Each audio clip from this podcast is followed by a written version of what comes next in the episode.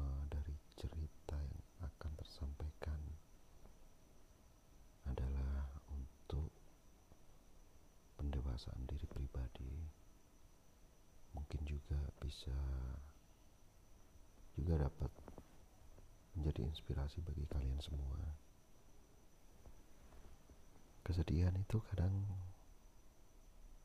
sama dengan kebahagiaan tak dipungkiri kadang kita merasa bahagia.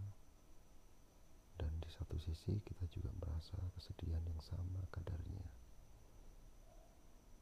Itu wajar adanya karena di kehidupan ini kita tak selamanya selalu bahagia. Kita juga tak selamanya selalu sedih kecewa dan hal negatif lainnya itu manusiawi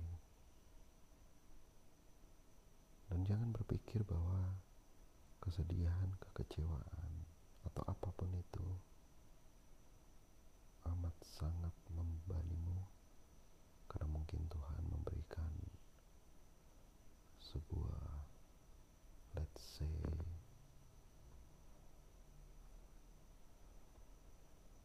apa ya namanya ya bisa dibilang sebuah ujian ujian di kehidupanmu mungkin kamu mendapatkan ujian semasa kamu kanak-kanak remaja ataupun dewasa. Itu hanya untuk menjadikanmu lebih strong lebih mandiri lebih dewasa untuk menyikapinya. Seperti halnya aku semasa kanak-kanak pun aku diberi sebuah uh, let's say beberapa buah ujian yang amat sangat membuat aku down karena keadaan itu dengan umur sekecil itu aku dipaksa mendewasakan cara berpikirku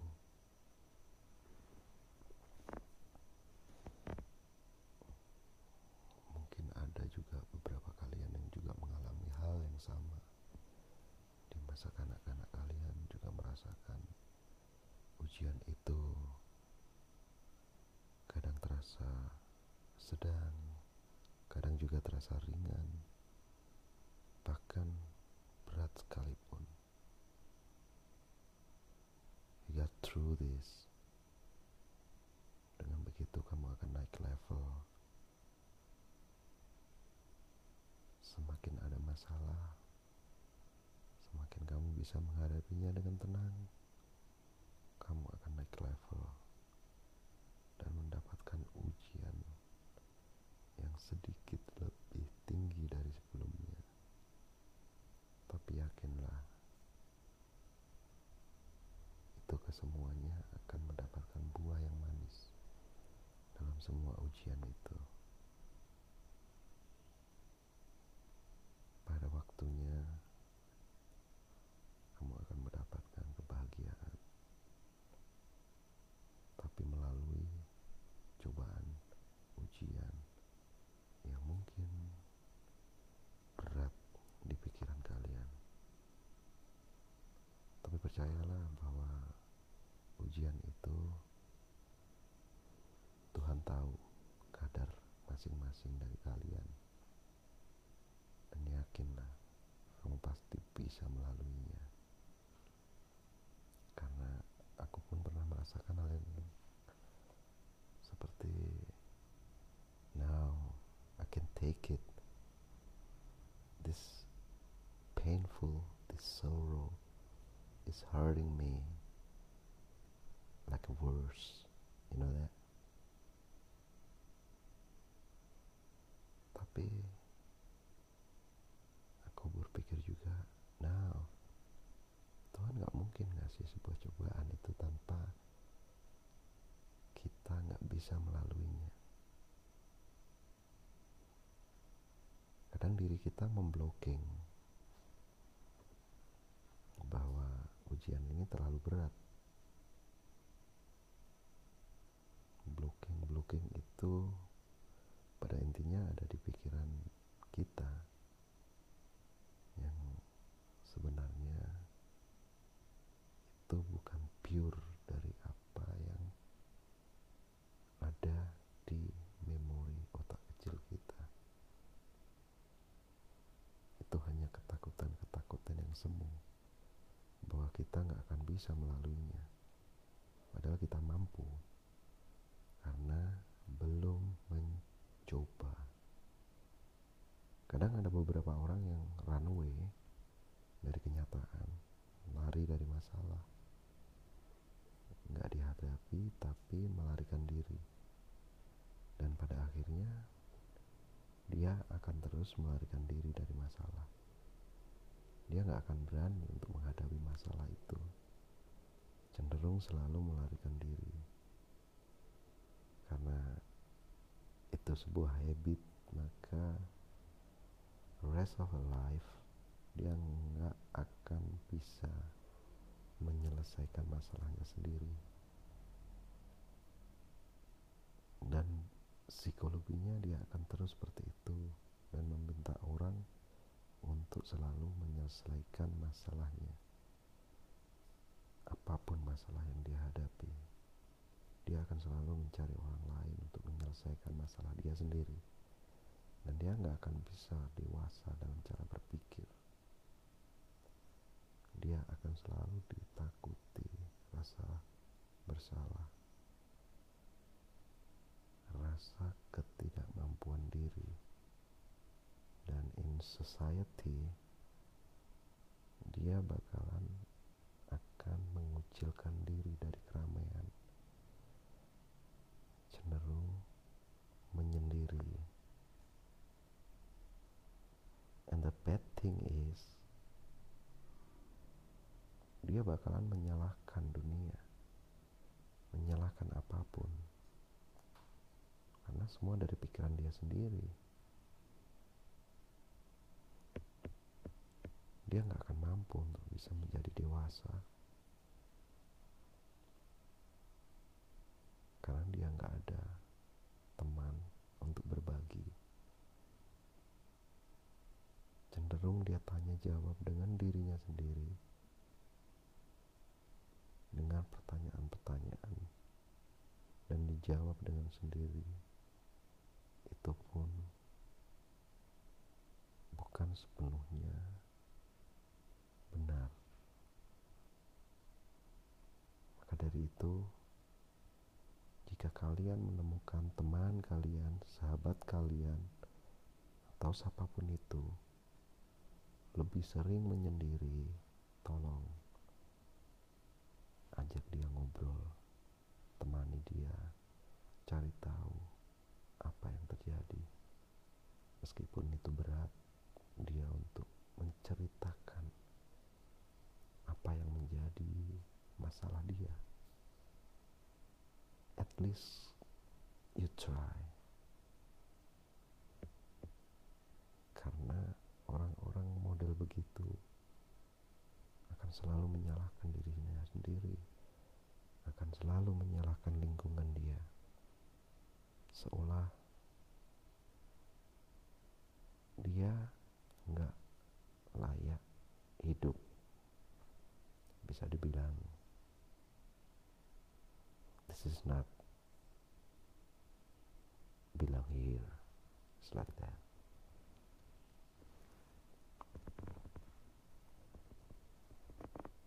aku dulu pernah punya seorang sahabat teman bisa dibilang anak buah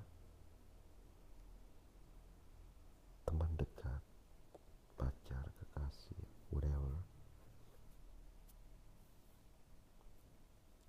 sosok yang thinker penyendiri dan juga pekerja keras. Salah satu yang aku salutin dia menyelesaikan masalah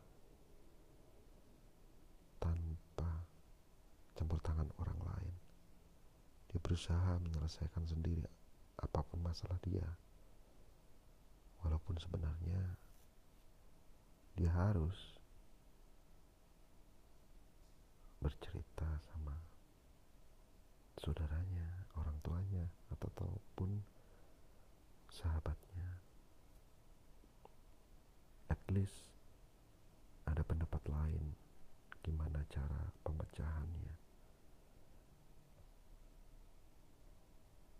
Dia nggak percaya siapa pun.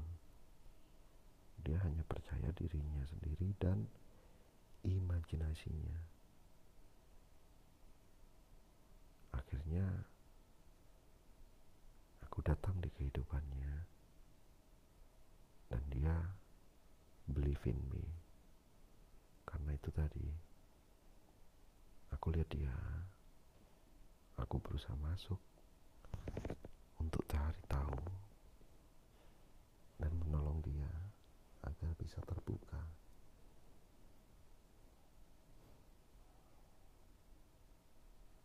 di situlah aku temukan berbagai macam masalah pelik yang dia hadapin sendiri. Setelah ada aku di situ, dia mulai bercerita dan bersama-sama kita selesaikan masalah satu persatu. Beberapa kali dia bilang mau suicide trauma bisa dibilang kekecewaan dan seperti itu. Dan berapa kali juga aku bisa mencegah itu semua. Pernah juga aku dapati dia udah mau itu aku cegah aku nasihati dia.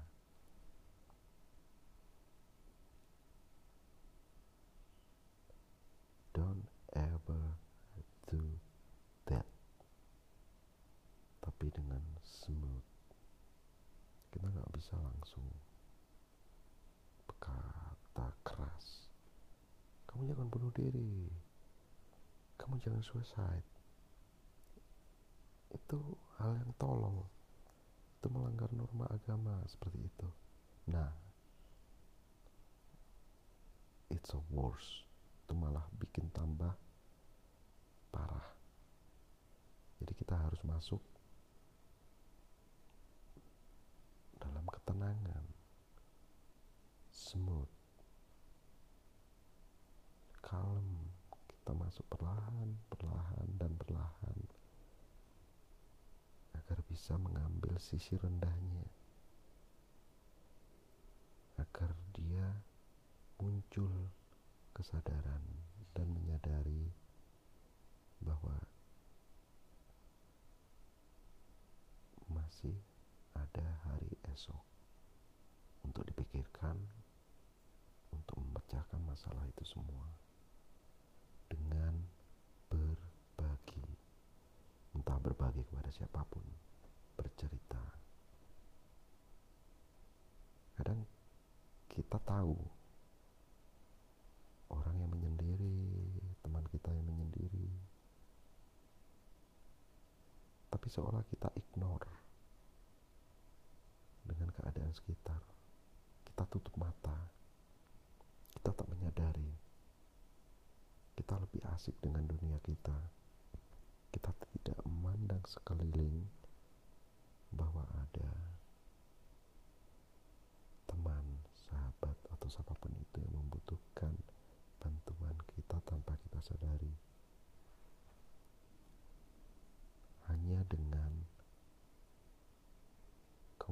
situasi. Karena seorang tipikal penyendiri nggak bakalan betah di keramaian. Dia akan selalu menyendiri. Terlebih di kamar. Ditambah dengan musik yang mendayu-dayu seolah memperkuat permasalahan dia. Perlahan kita coba komunikasi, bertanya apa yang bisa aku bantu. Mungkin kita nggak sepenuhnya bisa membantu, at least melegakan mereka. Karena apa pun masalahnya kalau dibicarakan itu akan mendapatkan sebuah kelegaan. Sharing and caring. Sebenarnya simple. Komunikasi. Di situlah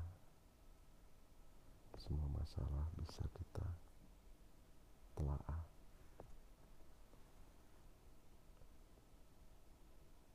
Dan nggak semua masalah yang kita hadapi itu berat. Kita harus memandang ke bawah kembali bahwa masih ada orang lain yang mendapatkan masalah lebih parah dari masalah yang kita hadapi hari ini. Dan gak selamanya kita hidup selalu mendapat masalah. Kebahagiaan itu muncul pada akhirnya jika kita pasrah akan hidup ini. Kita balikkan kepada yang maha kuasa. Karena dialah yang membuat masalah dan dia pula yang akan menyelesaikannya. Simpelnya seperti itu. Tapi lebih detailnya lagi, masalah ada pada diri kita sendiri. Actually, kita mau bikin kita hidup ribet, kita bikin masalah ribet. Dan begitu sebaliknya. Kita bikin hidup ini lebih wajar. Maka hidup ini wajar adanya. Kalaupun kita bikin hidup kita excited, itu yang kita dapatkan pula. Semua tergantung kita. Let's say sebagai contoh, kita mau hidup kita ribet, gampang. Lu ngutang aja ke bank. Habis itu, gak kamu bayar. Nah, di situlah muncul masalah. How you gonna pay for it? How you gonna pay for your loan? Dan kamu akan selalu dikejar-kejar setiap hari untuk menyelesaikan loan kamu. Debt collector mulai datang menagih ke rumah, telepon, SMS, WhatsApp. Hidup kamu jadi ribet. Seharusnya kamu nggak dapat masalah serumit itu karena kamu yang membuat masalah itu ribet. Get it. Hidup itu ribet. Kalaupun kamu ingin masalah simple dalam hidupmu, do it the simple ways. Hidup apa adanya, sederhana, nggak terlalu muluk-muluk hidup ini, nggak terlalu menarget pada diri kita sendiri. Hidup apa adanya, bukan berarti nggak bahagia, karena kebahagiaan itu bukan hanya pada materi semata.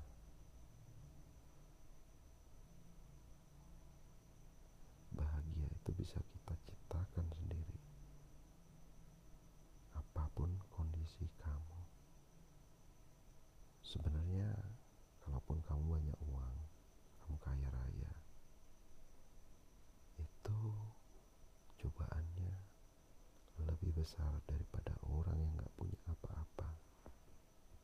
Hidup dalam kesederhanaan. Karena apa? Orang yang hidup sederhana, orang yang biasa, itu akan lebih banyak bersyukur, bersujud, berterima kasih, dan gak ada satu keinginan yang muluk-muluk dalam dirinya. Setiap hari bisa makan, minum, itu sudah cukup bagi mereka. Dan kalau kamu kaya raya punya uang banyak, kamu jarang lupa untuk bersujud, berterima kasih. Dan muncullah berbagai masalah. Mulai dari sifat sombong, lupa berbagi kepada sesama seolah-olah ini jerih kepayah kamu sendiri. Ngapain kamu harus ngasih ke mereka yang membutuhkan? Enak aja dia minta-minta kita yang kerja seharian.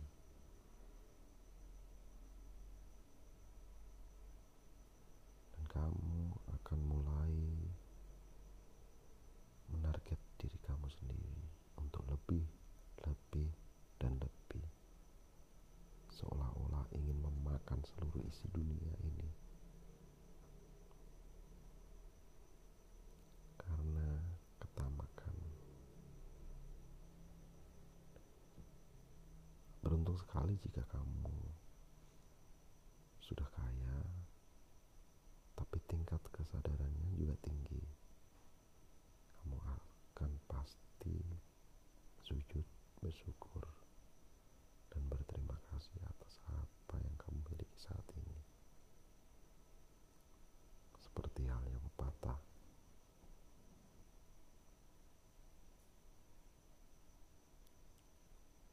Uh,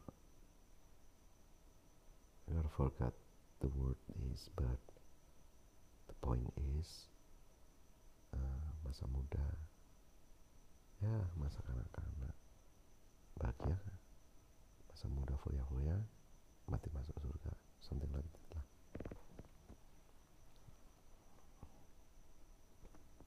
Mungkin kalian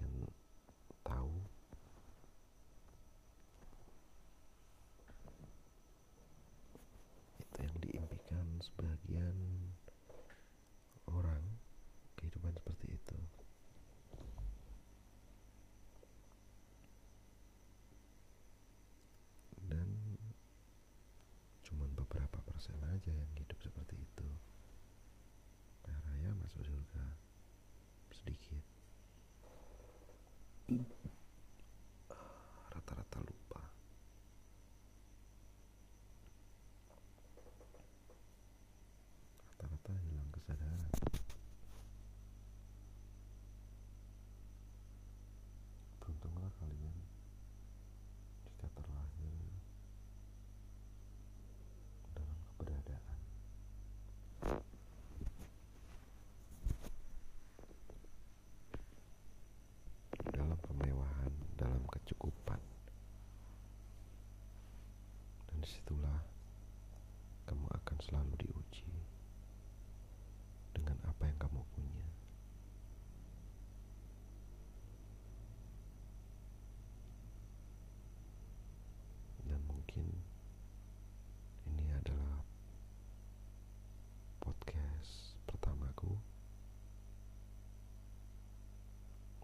Seberapa berbobot. Tapi let's say ini pencerahan buat diriku sendiri agar lebih berarti menatap kehidupan ke depan.